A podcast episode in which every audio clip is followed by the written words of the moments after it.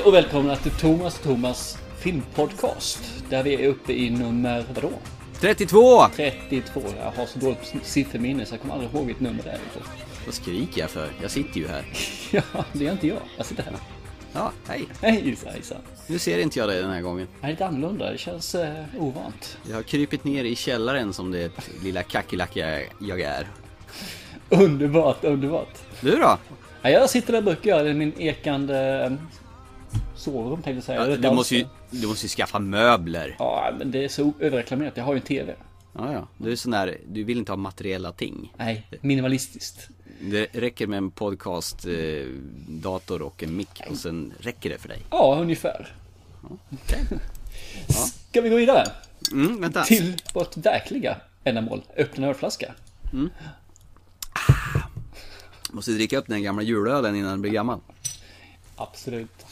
Nej, det är inte absolut, det är Free Hearts. Ah, okej, okej. Ja, men den är bättre faktiskt. Ja. Ska vi gå tillbaka till vad vi egentligen ska prata om idag? Och idag är, är det ju lite specialavsnitt. Och den eh, tillägnas ju den stora mentorn här i eh, kvartalet, det är våran duo. Och det är ju herr Hellberg. Jag är en våldshärskare idag. Japp, som ska berätta om en, en eller flera filmer som har betytt något speciellt i ditt liv. Som har egentligen om, gjort det omvälvande och gjort att du blivit en ny människa. Ja, ja, det var väl kanske att ta i men... eh, Filmmässigt. Ja, ja. Förstärkt mina filmsinnen. Precis. Och eh, jag, jag skulle ju gärna, jag har ju inte en aning om vad- det är för film, filmer du har valt. Du har varit väldigt hemlighetsfull och jag har försökt luska det som ett barn på julafton. Men du har varit väldigt, väldigt tyst och hemlighetsfull. Tysk. Och eh, det jag undrar i det här fallet då ju. Vilka filmer är det? Jag vill inte gissa förresten, men har du någon ledtråd eller någonting du kan ge till mig? Jag ska försöka återge en, eh, en liten, eh, vad ska man säga, ett quote från den här filmen. Så kan ju du försöka gissa. Okej, det är en film alltså. Ja, en film. Det, det, jag har så mycket att prata om den här filmen så att det blir en film. Ja, då är det inte The Rock. Welcome to the Rock. Okej, återge och ge mig någonting att bita i. Ja. Eh, introsekvensen i den här filmen börjar lite så här. Nu ska vi ta det på svenska för jag är riktigt, riktigt corny och eh, tacky. Är du med? Kör på. I tidens begynnelse så kom vi och, och rörde oss tyst genom århundraden.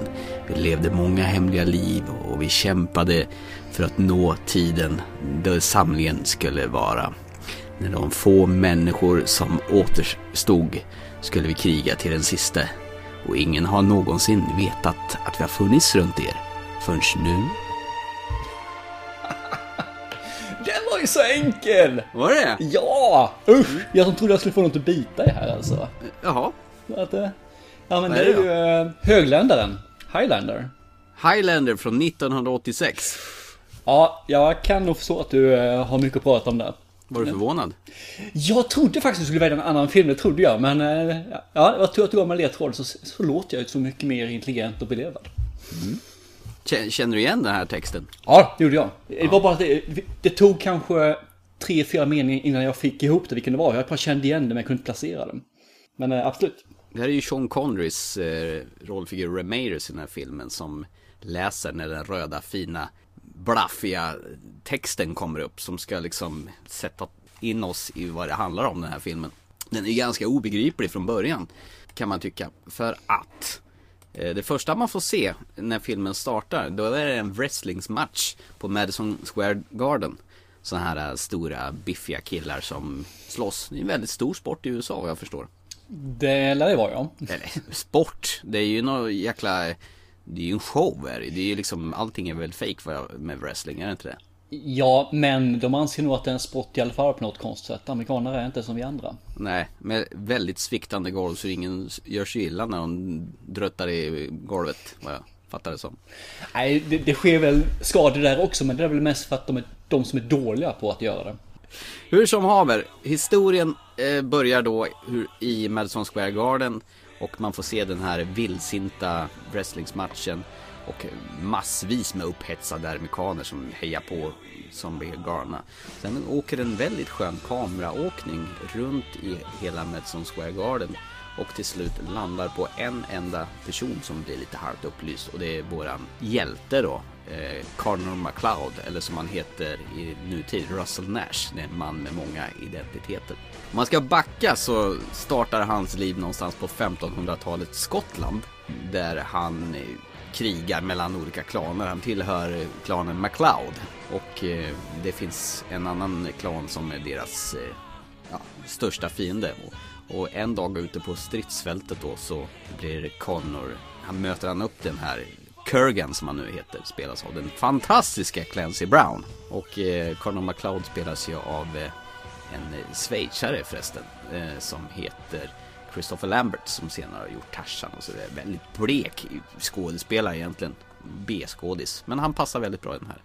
Hur som haver så blir Connor eh, spetsad och eh, i princip borde han ha dött då. Och de släpar hem han och för sista smörjelsen. Eh, och eh, hans fru gråter och alltihopa. Men när han vaknar upp på morgonen efter så har han inte en skråma på kroppen och de tycker att ah, det här måste vara häxeri eller också han besatt. Så vi vi förvisar honom och pucklar på honom så mycket han orkar och sen förvisar honom från sin klan så han blir ensam igen då. Och sen får han vandra ut där över Skottlands marker och så träffar han på den här spanjoren då, eh, Juan Sanchez Villa Lobos Ramirez som spelas av den fantastiske Sean Connery. Som dock inte är en B-skådespelare. Han är definitivt inte en B-skådespelare så jag gissar väl på att de drog väl in halva budgeten till den här filmen gick väl åt för att sätta lön till Sean Connery kan jag tänka mig.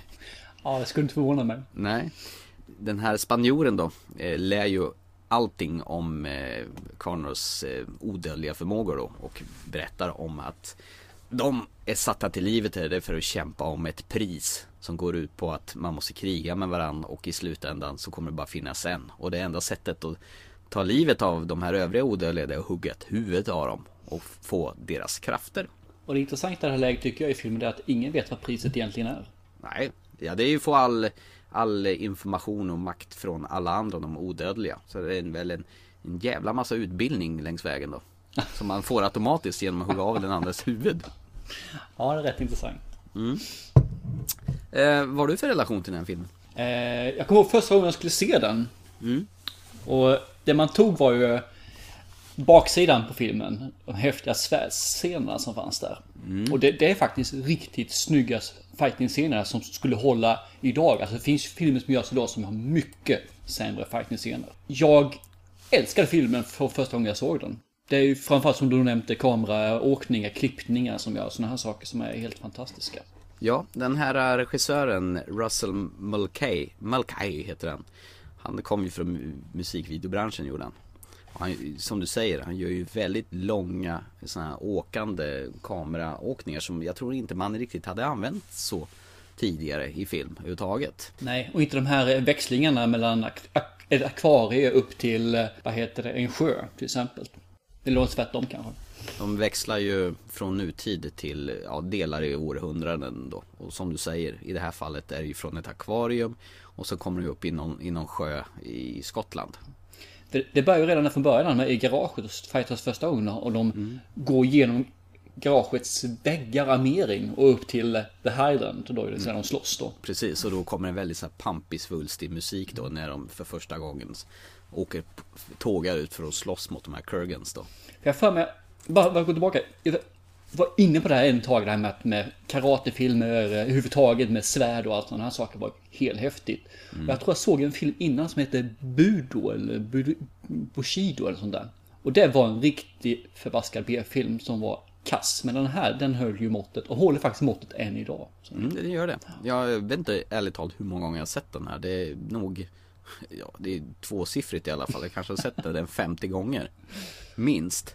Ja, 10-12 gånger har nog jag sett den också. Mm. Och jag har den på, jag tror fyra, fem olika utgåvor på, alltså den första Highlander då. Jag har den på, tror jag, två, tre olika region 1 eh, eh, utgåvor. Sen har jag nog den säkert på någon sån här billig Atlantic film för 59 spänn och sen har jag den på någon exklusivare och sen hittade jag på en sån här Ultimate Edition som var med massa kommentatorspår och det diverse extra godis och så vidare. Så att, Nej, den här filmen det är nog i alla fall den jag har flest varianter av. Sen har väl den här filmen någonting till som eh, du älskar. Det är musiken antar jag. Yes. Det är ju Queen som har gjort, alltså de har specialkomponerat musiken för den här filmen. Till, till en hel film. Ja visst, från eh, alltså introsekvensen med Masters of the Universe till den här otroligt fina svulstiga, jag kan inte säga ballad, men det är genomförande i låten Who Wants To Live Forever. Den här klassiska scenen när Connor inser att hans fru blir gammal men inte han. Han är vid hennes sida när hon dör och så spelar de den här låten och det är ju så mäktigt så det finns inte. Ja, de lyckas väldigt bra att få ihop film och musik. Queen måste väl ha varit ganska stor på den här tiden. Den kom ju 1986 den här filmen. Ja, men det tror jag nog att de var. Ja, så att eh, det måste ha ändå satsat ganska hårt på den här. Jag tror inte det här var en B-film i den bemärkelsen faktiskt. Nej, att, men eh, det var ju inget genomslag i alla fall. Jag kan ju inte tänka mig att den här gick upp på bio utan den hamnade i någon, ja i videohyllan som alla andra filmer. Jag kommer ihåg att omslaget på den här, den var ju Jag tror det var tecknat, man såg ju eh, Highlander då, eller Conor McLeod då I en sån här ritat omslag och sen såg man Kurgans ansikte i bakgrunden med det här eh, Björnhuvudet han har på sig då ja, det kommer inte jag ihåg, men jag, jag tar ett ord för det. Ja, första gången jag såg den det var på någon sån här Något för många gånger eh, kopierad VHS-rulle Så att färgerna hade försvunnit och konturerna hade blivit lite ryckiga Så blir det ju alltid lite lite sämre Det var inte som idag när man kör digitalt, allting blir lika bra hela tiden. Nej Men ändå alltså, trots att det var dålig sikt om man säger så på filmen Så det, det fastnade totalt Man fattar ju förstås ingenting i början när de eh, börjar duellera i, nere i garaget där Varför då? De håller på att slåss och sen helt plötsligt så choppar han av den ena huvudet och sen börjar blixtra i bilar och sen tar han hans kraft där eh, Helt obegripligt Ja, för det fattade inte jag förrän långt senare att han tog krafterna också. Utan det var bara med, trodde jag, att hans energi lösgjordes. Och sen Ja, var det men det, det, var, det är en sån där film. Du, du är liksom på ruta noll eh, från början. Och ju mer filmen går så ger man dig lite grann av handlingen. Hoppar tillbaka i nutid, hoppar tillbaka i, i några hundra år. Och liksom det ger dig mer och mer. För till slut ska du liksom förstå hela biten då. Hur skulle du säga att eh, om man skulle göra en remake på den här, Mm. skulle det funka? Nej, det är nog helt omöjligt. Eh, Ja, men se att du inte har sett filmen, utan det är till en helt ny publik. För jag antar att eh, en ny eller de ungdomarna idag har inte sett en film från 86. Nej, i och för sig. Men då skulle man på något vis ändå försöka behålla det som gjorde den här filmen så jäkla cool. Det är ju väl, för det första, det är ju ett par riktigt sköna karaktärer. För det första så är ju Sean Connery jäkligt underbar som han, Christopher Lam- Lamberts mentor. Och sen har du ju det absolut bästa i filmen, det är ju Clancy Brown som spelar Kurgan. Problemet är ju att det är jättesvårt att hitta de personerna igen som du letar efter. För både Clancy Brown och Sean Connery är ju rätt unika i sitt agerande. Ja det är de, absolut. Jag menar Clancy Brown har man ju sett i den här fantastiska serien som både du och jag älskar, den här Carnival. Ja, När han är den här äh, prästen som går lite besärk. och inte lika- bara han är med i Starship Troopers också. Ja, det är han också. Och, äh, fantastisk film det med. ja, och sen är han med i några avsnitt av Lost också och sitter och trycker på den här knappen. Ja, Just det, då hade han nog mer eller mindre slutat se Lost. Att, eh, Och sen är han ju med i någon sån här shoot to kill eller hot pursuit när han är med bland massa bergsbestigare och råkar vara en liten eh, fin mördare i sällskapet. Han får ju såna här roller för han har ju rätt så elakt utseende, Clancy Brown. ja, det har han. Och rösten också för den delen. Så att, eh, Exakt. Och det finns ju ett par massvis med underbara sekvenser där när Kurgan, eller ja, kommer in i, i kyrkan där. För i, i kyrkan får man ju inte slåss för det är ju holy ground så att säga. Nice to see you, Kurgan. Who cuts your hair? I am in disguise. This way no one will recognize me. I do. What do you want? Your head. and the prize. Watch. Happy Halloween, ladies!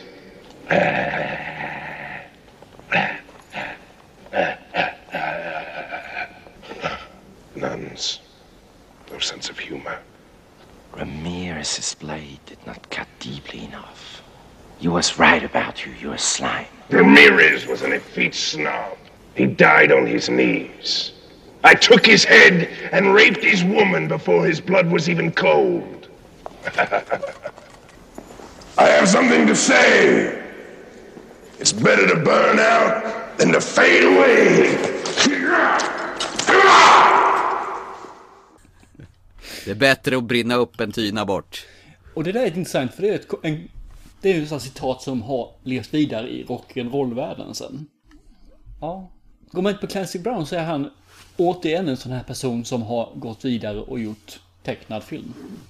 Just Som vi det. nämnde för ett tag sedan här innan. Det verkar som att alla som har någon heder gör det. Och det varför sa man det? Han är med i en Lego uh, Movie. The Mo- Lego Batman The Movie tror jag. Jaha, är han rösten till originalspåret ah? Lex Luthor är han röst. Jaha, okej. Ja, ja, vad härligt. Nej, och sen det finns ju massvis med, filmen har ju mycket gratis i och med att de hoppar friskt fram och tillbaka i tiden då. De, de är ju andra världskriget och de är i någon, har någon sån här duell i någon sån här du vet, det fanns ju tidsålder alla sprang runt med peruker, typ Maria An- Antoinette eh, tid. It was 1783. 1783. Oh, yes, your famous duel on Boston Common. you were drunk. And what was that guy's name again? His name was Bassett. The heavier blade, Mr. Bassett, I implore you. I am fighting this duel, Hotchkiss, not you. See if the imbecile is ready. Mr. Bassett is waiting, sir. Tell him I'm ready. Christ, I've gone blind. On guard, sir. Ah! Wonderful, sir. Thank you, Hotchkiss. Ah!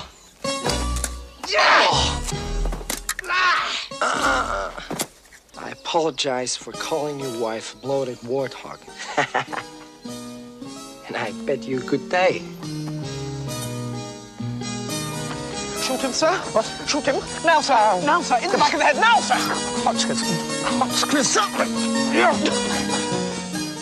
Hotchkiss. Sir? No, sir. No, no, no, no, no, no.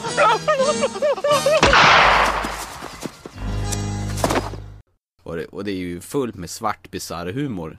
Och likadant, eh, Kurgan kör ju över folk på trottoar och bara sitter och skrattar till Queens musik på stereon. Det, det kan ju inte bli bättre.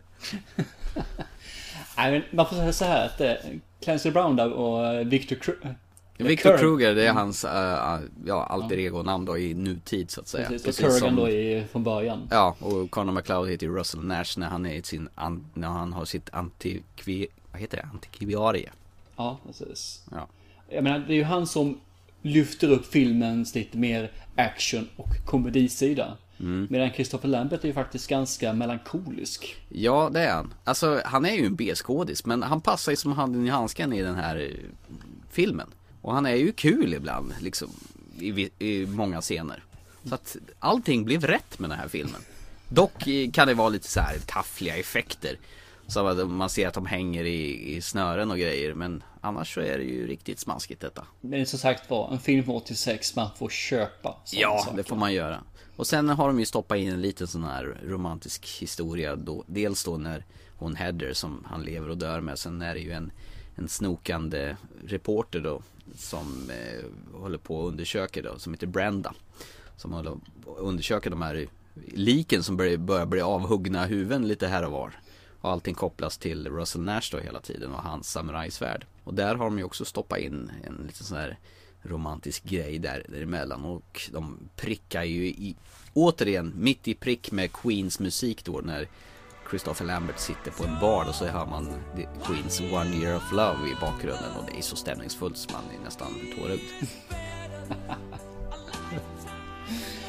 Eh, en sekvens som jag tycker om det är just den här på andra världskriget. När han... Eh, man får se hur han träffar sin, eh, vad säger jag, högra hand, som som tar hand om antikvariatet åt honom. Rachel, Rachel, ja precis. Ja. För han räddar henne från eh, nazisten där ju. just det. Och då blir han ju skjuten i ryggen.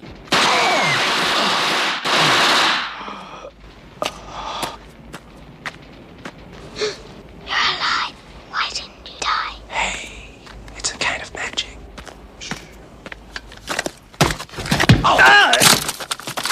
Solltest tot sein! Move. Nein! Erst musst du mich erschießen! Whatever you say, Jack. You're the master race.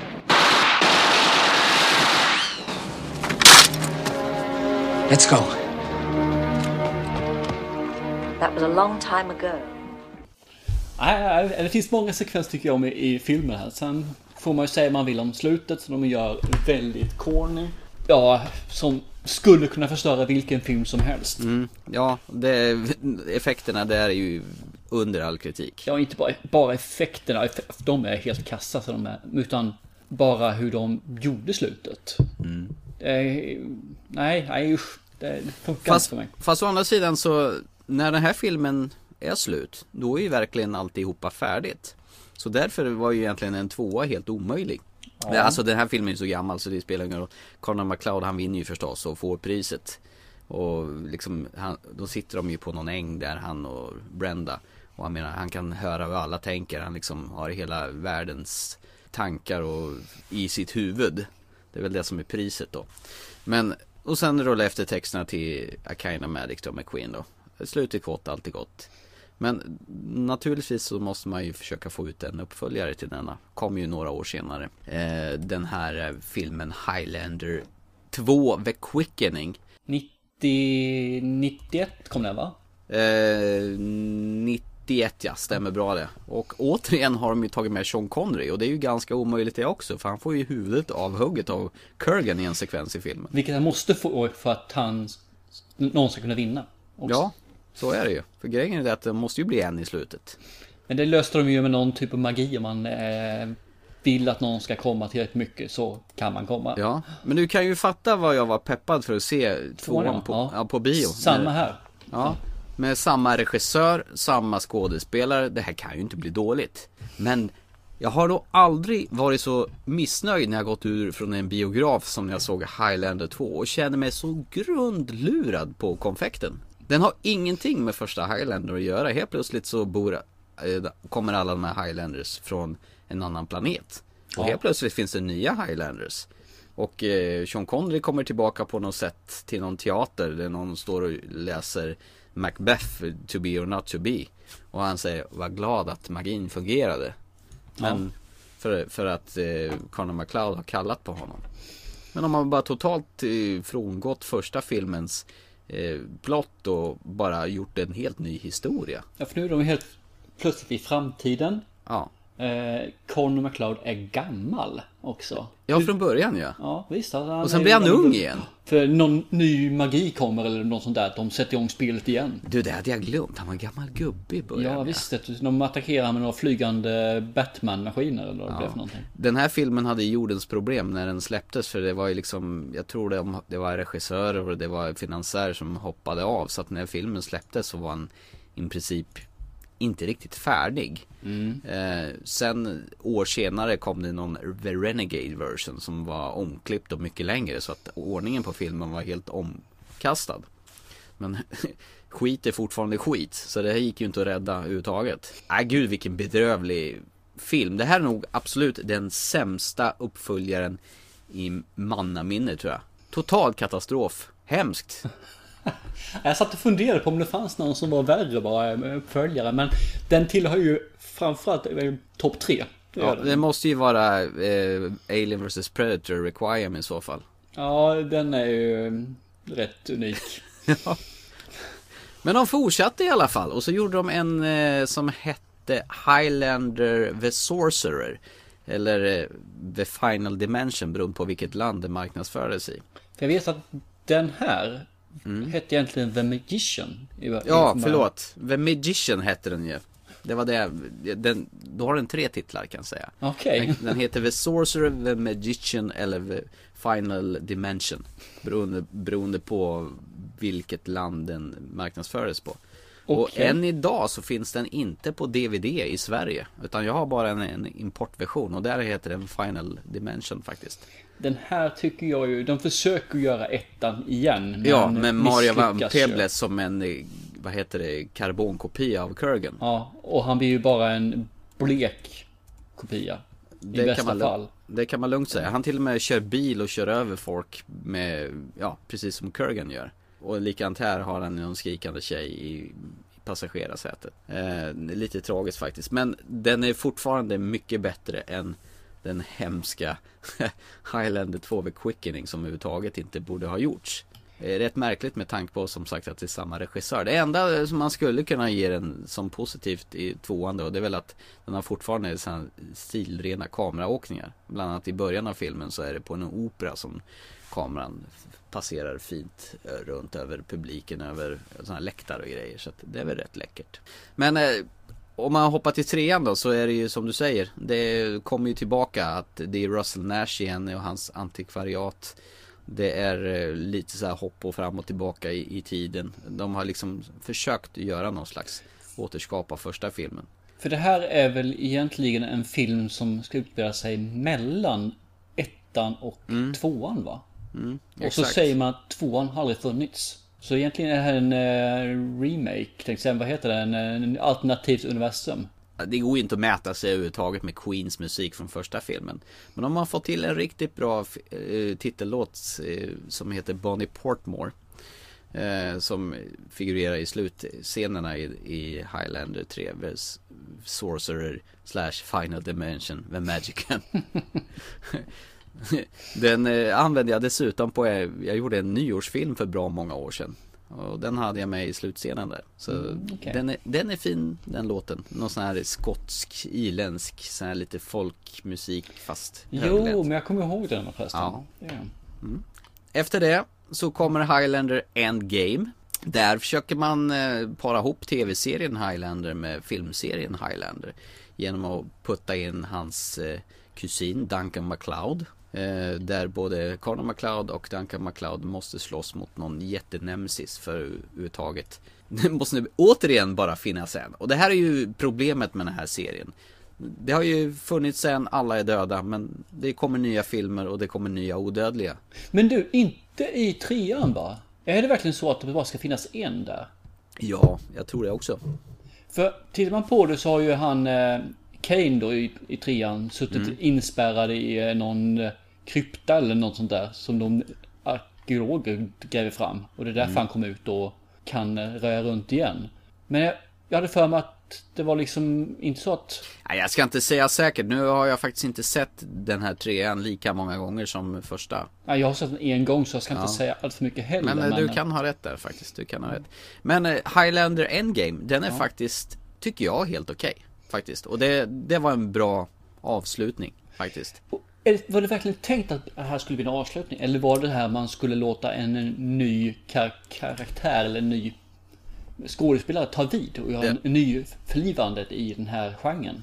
Det kan må så vara, för de tar ju kål på Conor McLeod i den här filmen, rätt Ja. och slätt. Så att de drabbar ju samman, de är ju tvungna att gå samman för att kunna övervinna den här sista jätte-bad guyen då så att säga. De klarar inte av det själva. Den här filmen har de här eh, flesta av de odödliga gått i exil och gått in och, vad ska man säga, stoppa in sig i någon kryokammare.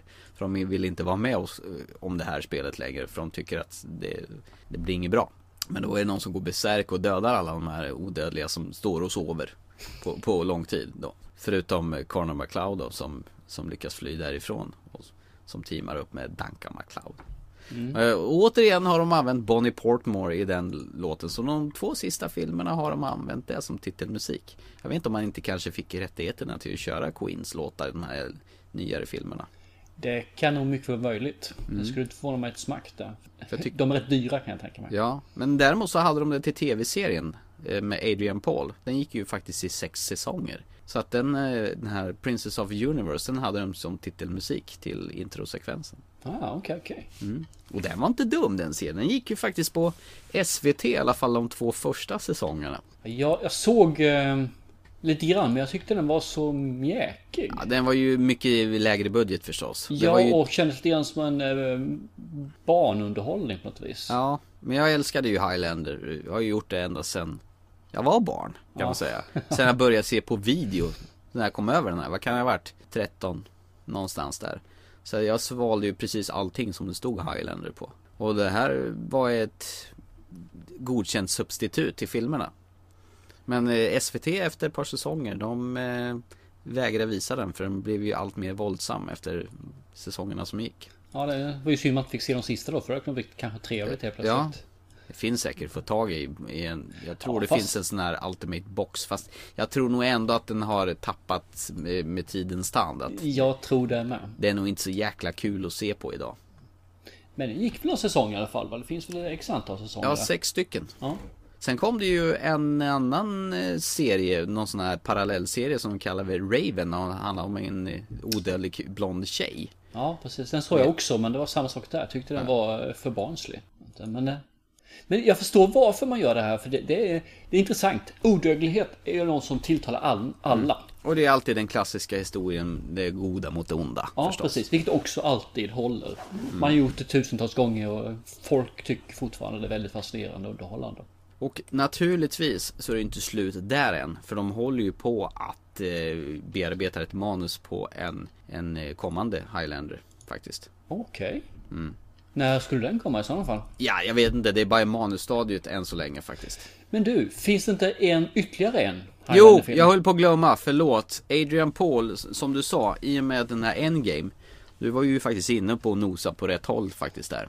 Att de skulle ja, bära över facklan till en ny Highlander. Det kom ju en som heter The Source. Som eh, kom här för, ja vad kan det vara, fem sex år sedan. Eller om det är mer. Eh, där Adrian Paul är, det handlar om han Duncan MacLeod. Och det var tanken var att det skulle bli en ny Highlander-trilogi. Eh, grejen var att innan den här filmen hade fått eh, biopremiär och det var den här fina, vad heter det filmbolaget med de här kugghjulen i början som vi alltid brukar älska. 3D, 3D. 3D ja. eh, Lionsgate tror jag den heter. Eh, gör mycket skräckfilm numera. Den Mm. gjorde väl Saw-filmen och alltihopa. Eh, eh, jo, eh, den filmen läckte ut i Ryssland på någon sån här eh, workprint som de kallar det för. Eh, och den blev ju totalsågad över hela internet för de som hade laddat hem den olagligt. Hur som haver, jag tittade på den där då för jag blev jäkligt nyfiken och det var ju, det var, det var det värsta skit jag någonsin har sett. Det här har ingenting med Highlander att göra överhuvudtaget. Det är så illa alltså? Ja det är så illa och dessutom kom det en skitdålig cover på Who Wants To Live Forever i slutet av den här filmen också. Av någon sån där, säkert någon sån här coverband av något slag. Är det I want to live forever? Är det den låten? Va? I want to live forever. Ja, kanske. Eh, hur som haver, den här dröjde ju väldigt länge, sen släpptes den direkt till video så den kom ju aldrig upp på bio, som det var tanken var. Och de producenterna och menar på att ah, men det här är ju inte rätt klippning och den här är ju inte färdig så att den kommer, det slutgiltiga resultatet kommer vara helt annorlunda än vad ni har sett i den här som figurerar på nätet. Men när filmen kom var exakt likadan. Så där dog ju hela alltihopa. Vilket jag nog tycker är helt OK. Ja, men som sagt ett manus håller på att genomarbetas på, på en ny film. Så vad vet jag. De, de kan, om de går tillbaka till grundmaterialet som är fruktansvärt bra. Så kanske, kanske, kanske finns det någonting att tillföra. Med en ny regissör som har lite svindlande idéer. Se till att fixa någon musik som är jäkligt stämningsfull och hitta ett par riktigt karismatiska skådespelare så skulle det kanske funka. Det är nog det som gäller. Att hitta just de här som kan fylla i de här skorna som de andra ändå har lämnat efter sig. Vad man ska kunna också tillägga var ju då att på den här tiden när, när jag såg första Highlander så var ju den här våldsamt eh, våldtagen av censuren. Det fanns ju väldigt lite avhuggningar av huvuden och väldigt nedkortade grejer. Så när man väl såg den i, i oklippt version så wow, blev det ju då. Det var ju som allt annat förstås som, som var sönderklippt på den tiden. Det var Ja. väl 80-talet och början, bra bit in på 90-talet så var ju det mesta söndersaxat. Ja, och ganska brutalt också i vissa fall. Jag tror Ja. det var rätt så... eh, Berodde nog på vem som saxade lite grann också. Jag tror inte Mm. det fanns någon som helst konsekvens i det där. Nej, det fanns ju en tidning tror jag, en videotidning som man kunde se varje månad vilka filmer som hade blivit väldigt åtgångna. Mm. Och det stod ju vilken sekvens det var och hur många minuter det var och varför de hade saxat bort det. Ja, jag kan tänka mig faktiskt att det... eh, Med den tidens mått mätt så är det en våldsam film. Mm. Det är inte ofta man ser huvudena rulla i en eh, 80-talsfilm alltså på det viset. Man, man ser gärna att eh, man skjuter folk och så här och de studsar iväg men det är aldrig någonting så här att huvudena ryker. Tittar man till och med på Kommando med Arnold Schwarzenegger så är det värsta som händer att han hugger väl av en arm va? Ja, han skickar iväg någon sågklinga som slår av övre delen av skallen på en folk. Det gör han också, stämmer, stämmer. Ja. Och en yxa i skrevet. Ja, men annars är ju de här grejerna han går iväg och släpper ut en kille för ett stup. Det är ju inte med, var ju inte med i den svenska. Inte svenska, precis. Nej, Men det var ju inte de andra sakerna heller. Nej, då går han ju bara iväg och sen kommer han tillbaka. Och undrar, vad, vad hände här? I didn't go. Ja, exakt. You, you told me you will kill me last. I lied. Så jävla kass är han. Ja, men jag tyckte de var sköna då i alla fall. Ja, ja, absolut. Men han kass som skådespelare. Ja, är han bättre nu då? Näpp. Arnold Schwarzenegger. Men nu har han distans. Ja, det må ha hänt. Den här sista fängelsefilmen var ju inget vidare tyckte jag. Escape Plan. Nej, inte... Nej, det håller jag med om. Nej. den- den var lite småkul, men det var också allt. Men du, om du skulle få välja nu här. Tre skådespelare. Mm. Det blir bara män, rakt igen. Nej, det behöver det inte vara förresten. Du får gärna gå utanför boxen här totalt. Mm. Jag vill ha ersättarna till Christopher Lambert, Clancy Brown och Sean Connery. Oj, oj, vad svårt det blir. Det måste ju vara någon som är riktigt, eh, om vi ska börja med det som är det roligaste. De försökte ju ju ersätta honom i uppföljarna. Clancy Brown då? Ja, jag tänker på i tvåan så var det ju han som spelar Ham Tyler i V och som är med i Total Recall också. Eh, men någon som skulle passa som eh, Det måste ju vara någon som är utspacad något djävulskt fast samtidigt har en, en pondus. Nej, det är svårt. Jag vet faktiskt inte ärligt talat. Nej, men ta någon annan då för att se. Ta Christopher Lambert, ersätt honom istället då. Men det är väl lätt. Ja. Det, det borde väl gå att ta vem som helst. Matt Damon! Nej, inte han. Nej. Frågan är om, om man skulle ta någon känd överhuvudtaget. Nej men eh, självklart. Du skulle, nej han är ju för gammal. Det skulle ju ha funkat med Liam Neeson om han varit lite yngre. Men skulle inte Liam Neeson kunna vara Sean Connery istället? Ja det skulle han kunna vara. Okej, vi sätter Liam Neeson i eh, Sean Connerys plats då. Ja. Så det är bra. Och sen måste vi ju ha någon elak jävel. Någon riktigt sliskig helvetes. Nu tänker jag på Rutger Hauer, men han är ju så skitgammal och han har ju spelat någon liknande, så här Lady Hawk kommer jag ihåg. Oj vad svårt det här blev. Ja, ja, jag förstår det. Absolut. Men, eh, Har du några egna idéer? men som Christopher Lambert, en åldersgruppen på honom, han ska ju vara runt 40, 35, 40 någonstans där. Ja, han blir ju aldrig äldre. Nej, så att har vi många i den åldersgruppen? Vi får ju gå på kända givetvis bara för att det ska vara någon känd. Så att, eh, Brad Pitt?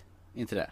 nej, jag bara funderade. Eh, vad heter han då? Colin Farrell? Ja, han skulle nog kunna fungera va? Ja, men, jätte... Där har du ju! Ja. Colin Farrell tar Christopher Lamberts roll. Ja, roll. ja men fine. Där har du nya Connor McLeod. Absolut. Ja, men Jag, det, jag tänker på han in Bruges. Han är ju skön som fan det. Du vet han går runt och tittar på konst innan de ska döda den här eh, prästen. Och råkar träffa ett barn. Ja, just det, just det. Ja, nu är jag med. Mm. Det är en jäkla fin film förresten. Den är... Ja, den tycker jag om också. Man ska inte jag. skjuta barn, eller dvärgar. Eller var det tvärtom? Ja, eh, vi kan väl undersöka att man inte ska skjuta någon. Är Nej men herregud, vi måste ju ha en galning, galning också till Kurgan. Eh, Eller ska man gå på en bitch? Fast Du menar att det är en kvinna den här gången? Bara som en tanke. Ja, det vore ju faktiskt lite mer för att eh, ha lite jämställdhet i tillvaron. Jessica Alba. Hon är inte så bitchy va? Nej, det går Ja, inte på då skulle jag. Michelle Pfeiffer. Hon, är, hon kan vara bitchy tror jag. Eller vad heter hon som är ihop med eh, Michael Douglas? Catherine Zeta-Jones. Mm? Hon skulle kunna vara arg. Tror du inte det? Ja, fast skulle hon klara av fighting-scenerna? Ja, herregud. Har du inte sett Entrapment med Sean Connery? När hon kryper bland laserstrålarna. När de är i Dubai i slutet och hänger och klänger. Ja, kanske det. Ja. Där har du Catherine Zeta-Jones, Colin Farrell och vem sa vi som, eh, som eh, Sean Connerys rollfigur nu då? Ja, vem sa vi? Vi sa ju Liam Nilsson. Eh, Nu vet jag inte det här. Jag bara, tänkte på, jag såg en westernfilm här för ett tag sedan. Mm. Jag vet inte alls hur det här kommer fungera alls, för han är nog inte så tränat längre. Men eh, Mickey Rourke som bad guy. Han Jag tänker bara på. Marv i Sin City när jag Ja, ser honom. jag, jag sa ju Jessica Alba också som sagt. Så Ja. det- vi kopplar in det. Där ser han ju riktigt grym ut. Men Mm. Ja. jag vet jag såg han i eh, där i eh, den här västerfilmen Tombstone tror jag det var. Och då har han djävulen och han är bara han är för otränad just nu i alla fall i den filmen var han där. Men han Okej. har utseende som gör att han kan se riktigt läbbig ut faktiskt. Skulle man kunna ta Peter Stormare då? Han brukar ju se psycho ut. Ja, med sminkning, då skulle han kunna fungera. Det skulle han. Han brukar ju spela galen ganska Ja. ofta. Jo, men det skulle kunna fungera. Om vi ska ha lite svensk blod i detta. Det är aldrig fel. Det är aldrig Ja, fel. men ska vi regissera den här då? Göra en eh, egen reboot innan den här Hollywood-produktionen kommer? Ja, vi har väl pengarna till det va? Ja, ja, för tusan. Vi har ju fått in så mycket pengar på vår podcast så det löser vi utan problem. Du eh, glömde att säga att det fanns ett minustecken framför. Jaha, aj då. Det behöver du inte säga. Fan, får klippa bort. Nej, men kul! Ja, men, jag tror på det, absolut. Vi har både ett alternativ både till en kvinnlig bad guy och en manlig tycker jag. Ja, Skulle och sen måste vi få till någon som eh, gör lika bra musik som Queen gjorde också. Oj. Så här, Men ri- riktiga brottarhits. Ja. Kan, kan du göra en ny Who Wants To Live Forever eller It's a Kind of Magic? vet du vad jag tror man ska göra där i det fallet? Jag tror man ska göra lite grann som i Sucker Punch och göra remakes på vissa låtar. Ja, ja. Just det, där de hade stoppat in eh, We Will Rock You Mm. tillsammans med I Want It All. Ja. Ja. Lite Och, sånt där. Och eh, även då som sagt var eh, Jösses nu bort den för- första intro-låten. Sweet Dreams, I Ja. made of this. Den är ju också ett underbart. Så jag tror att gör man på ett sånt sätt, man gör en gamla låtar i ny tappning så skulle det nog fungera bättre än att eh, göra helt nya låtar. Har du tänkt på en sak? Det är inte så mycket sån här populärmusik längre i dagens filmer. Nej. Förr var det ju väldigt mycket det. Om vi tänker på, spola tillbaka några år till, till exempel Snuten i Hollywood, Top Gun. Name it från den tidsperioden så var det, köpte man ju soundtracks med, det var ju en blandskiva med poppislåtar som var specialskrivna för filmen. Den här diskussionen vi haft tidigare. Har vi? Jajamän. Jäklar, nu börjar... Du är gammal. Ja. Du är gammal. Ja, jag är gammal, helt klart. Ja. Nej, men jag håller med. Det gör jag. Mm. Men eh, jag, jag, jag förstår varför också. Det är inte... Det är ingen som köper LP-skivor längre. Nej. Nej men sådär, jag vet inte om jag ska säga så vansinnigt mycket mer att eh, Highlander, det är nog den film som jag har burit med mig sen jag började titta på film överhuvudtaget. Eh, det står en hel driva med utgåvor i min eh, DVD Blu-ray-hylla. Ja förresten, jag har den på Blu-ray också. Så jag, jag har nog- Varför då? Därför att det är ju min absoluta favoritfilm och då måste man ha den på Blu-ray. För jag menar på kvaliteten på filmen kan ju inte på någonstans ligga i närheten av Blu-ray-kvaliteten. Nej, det har jag aldrig fattat varför man släpper filmer på För jag menar, om källmaterialet är sunkigt, då blir det ju inte bättre. Ja, är källmaterialet VHS så kan man ju inte få DVD-kvalitet. Och kan man inte få DVD-kvalitet så kan man ju inte få Blu-ray-kvalitet heller. Nej, men det är en sån där film jag måste ha i alla format.